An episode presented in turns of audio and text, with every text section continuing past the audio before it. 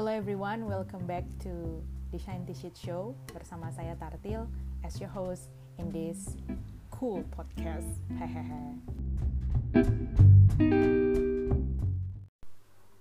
Kali ini saya mau bahas sesuatu yang agak sedikit serius dan apa ya, tidak dibilang akademik juga, tetapi ini penting dan kayaknya agak menyebalkan untuk diterima kenyataannya gitu karena uh, kalau melihat trennya masa kini itu bisa di apa ya orang-orang bisa salah paham dan mungkin bisa menjustifikasi apa yang saya posting ini sebuah apa threat sebagai bentuk body shaming gitu. Padahal bukan. Um, ini bukan tentang itu sama sekali dan saya yakin sekali banyak di antara kalian gitu toh yang membunuh rasa kebosanan dengan menonton drama Korea saat ini apalagi drama Korea saat ini tuh menyajikan visual-visual yang sangat luar biasa dan tiba-tiba kalian akhirnya menentukan bias baru buat teman-teman bukan K-pop yang tidak tahu apa itu bias. Bias tuh kayak you are biasing someone. Kalian tuh menyukai seseorang jadi kalian bias jadi ketika kalian suka seorang tuh kalian lebih berat ke dia kita sebut bias seperti itu.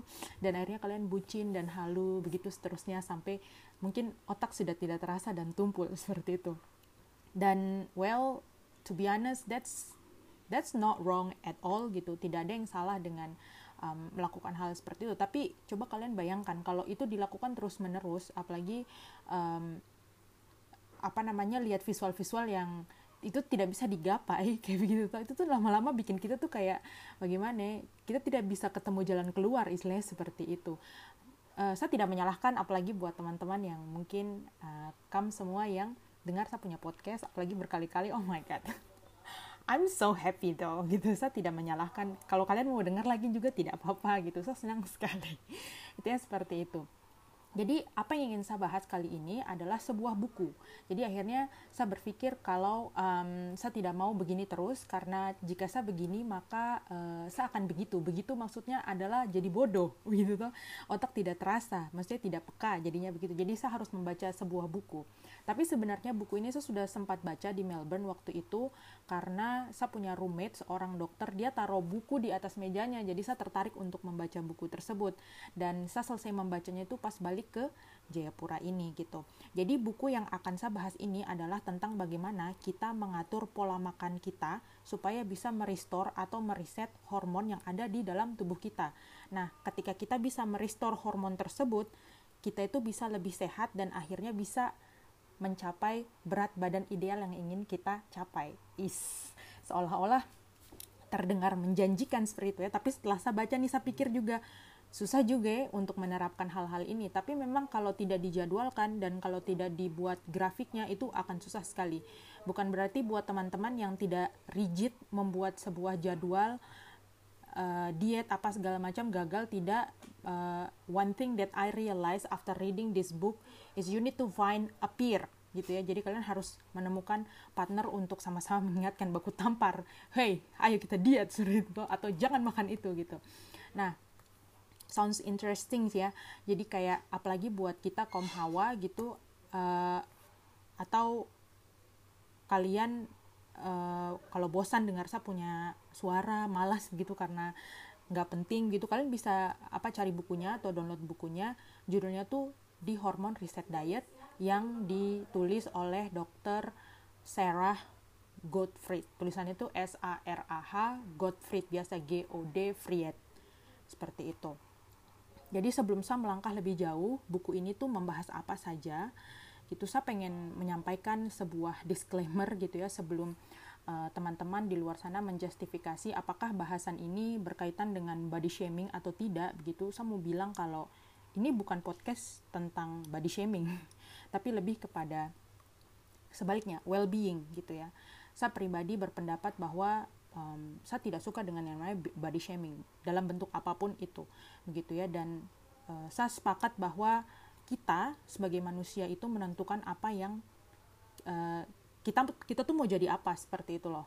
Jadi teman-teman terserah kalian mau jadi apa. Selama uh, kalian nyaman ya. Terus tidak mengganggu kenyamanan orang lain serta tahu konsekuensi, maka lakukan saja seperti itu. Jadi terkait pembahasan ini, saya cuma mau mengajak orang-orang yang mungkin tidak konsisten seperti saya gitu toh supaya bisa termotivasi secara internal untuk apa ya lebih sehat lagi kayak gitu. Karena well satu bukan seorang dietitian. Banyak sekali yang salah paham kalau saya ini seorang dietitian. Jadi kalau mereka tanya masalah diet makanan bayi makanan supaya tidak mah apa itu? Mereka kayak salah sasaran gitu dong ke saya gitu. Terus saya sempat berpikir apa saya harus cari sertifikasi seorang dietitian ya? gitu. Supaya orang-orang tidak salah tanya lagi gitu. Tapi well um, di sini saya kayak mau mengklarifikasi saja bahwa I'm not one of those gitu ya.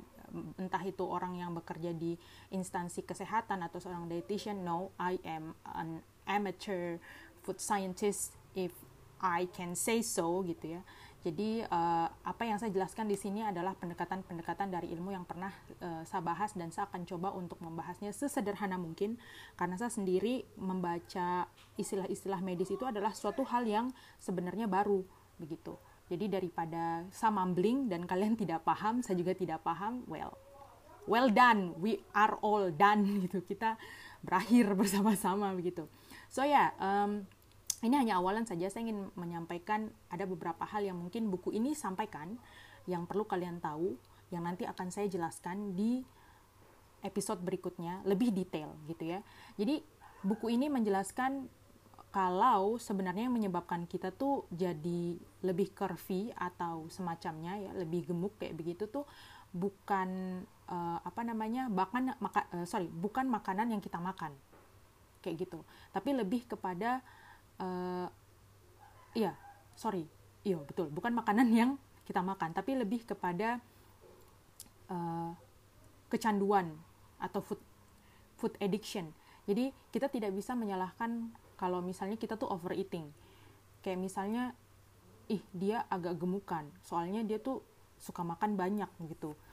Bukan itu masalahnya gitu ya. Tetapi masalahnya adalah ketika dia sudah mengalami food addiction yang itu tuh menyebabkan dia ketagihan. Jadi kalau orang sudah ketagihan dia akhirnya jatuhnya pada apa namanya binge eating. Binge eating itu overeating. Binge itu artinya terus menerus ya. Jadi kalau misalnya binge eating itu makannya terus-menerus atau overeating. Nah, di buku ini Dr. Sarah Gottfried ini kebetulan dia tuh menarik. Saya lihat dia punya profil. Dia tuh ternyata seorang dokter biasa awalnya begitu, tetapi karena dia tuh kayak mengalami sebuah apa ya namanya ups and downs of life being working woman kah apakah kayak gitu jadi dia tuh akhirnya memutuskan untuk menjadi seorang dietitian gitu ya dia memutuskan untuk jadi seorang dietitian sebenarnya dia bukan dokter sebenarnya dia tuh dokter apa objin kah kalau misalnya kalau dokter-dokter bilang itu pokoknya dia tuh uh, yang berurusan dengan perempuan-perempuan begitulah begitu. Jadi dia tapi dia akhirnya berakhir sebagai seorang dietitian karena dia ingin lebih sehat saja. Dan semua yang dijelaskan di buku tersebut adalah pengalaman pribadi yang sudah dibukukan oleh dokter ini gitu.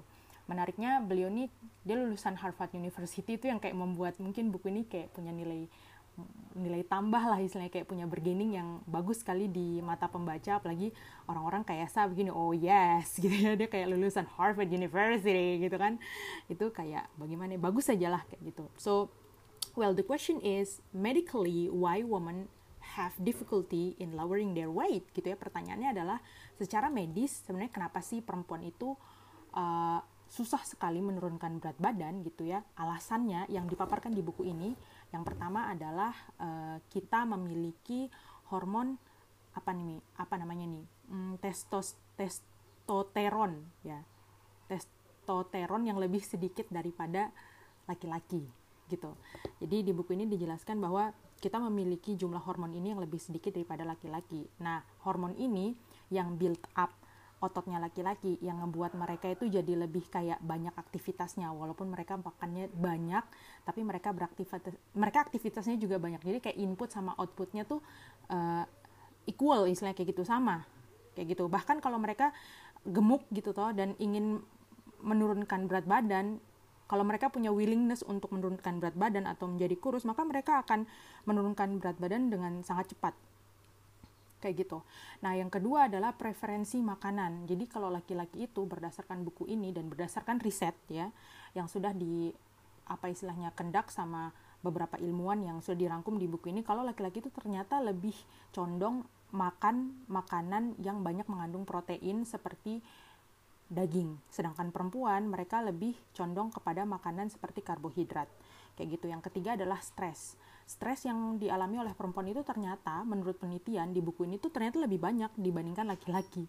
Gitu. Jadi kayak mungkin uh, contoh sederhananya adalah ketika kita mau kendak diet, mau diet begitu toh, habis itu gagal diet kita stres dan balik ke makan gitu.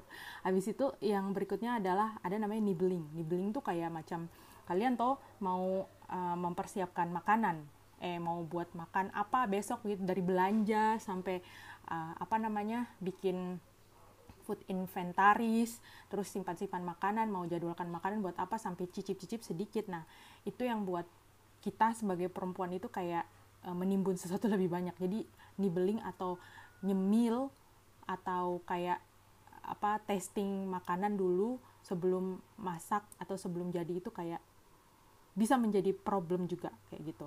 Nah solusinya adalah di sini uh, sederhana sekali. Jadi dia tuh meminta kita buku ini tuh kayak merekomendasikan untuk mengidentifikasi food addiction yang ada pada diri kita. Jadi kita kira-kira kita tuh edik sama makanan apa sih? Kita itu kecanduan sama makanan apa gitu. Contohnya kalau misalnya uh, rokok itu kan ada nikotin, ada tar gitu toh yang membuat orang-orang atau perokok itu jadi kayak kecanduan gitu. Tapi di makanan ada tiga, ada trinity apa istilahnya? Trinity Trinity Devils di makanan gitu. Namanya tuh FSS kalau kita bilang di anak-anak entah food technology, food science atau semua yang belajar tentang fast food fast food itu. Jadi ada tiga hal yang itu tuh sangat perlu kita perhatikan dalam makanan. Ada fat ada salt ada sugar atau uh, lemak salt garam dan sugar atau gula gitu. Uh kalian mungkin bilang ah itu kan hal sederhana tapi itu kalau dikombinasikan masya allah mantap sekali rasanya.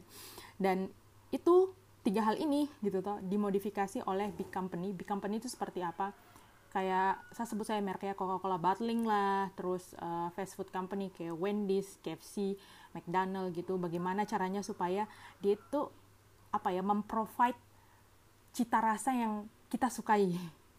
Intinya kayak begitu.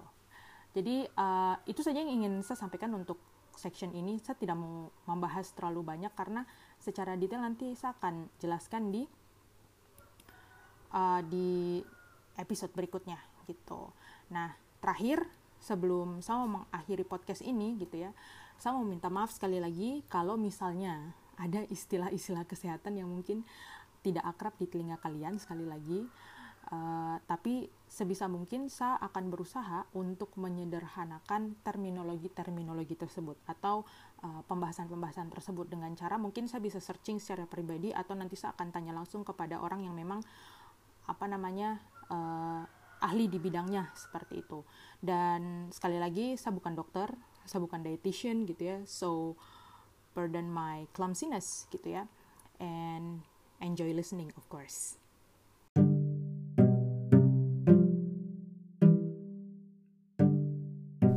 Alright, last words untuk episode kali ini. Saya mau mengucapkan terima kasih buat teman-teman yang sudah mendengarkan podcast ini dan tertarik dengan bahasan ini.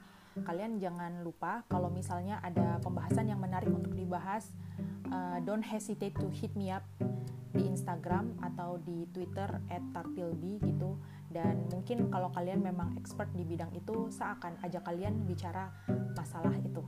Itu so jangan lupa kalau memang kalian anggap podcast ini berguna bermanfaat dan worth to share gitu tolong di share gitu ya dan jangan lupa tag saya. Thank you. I'll see you in the next episode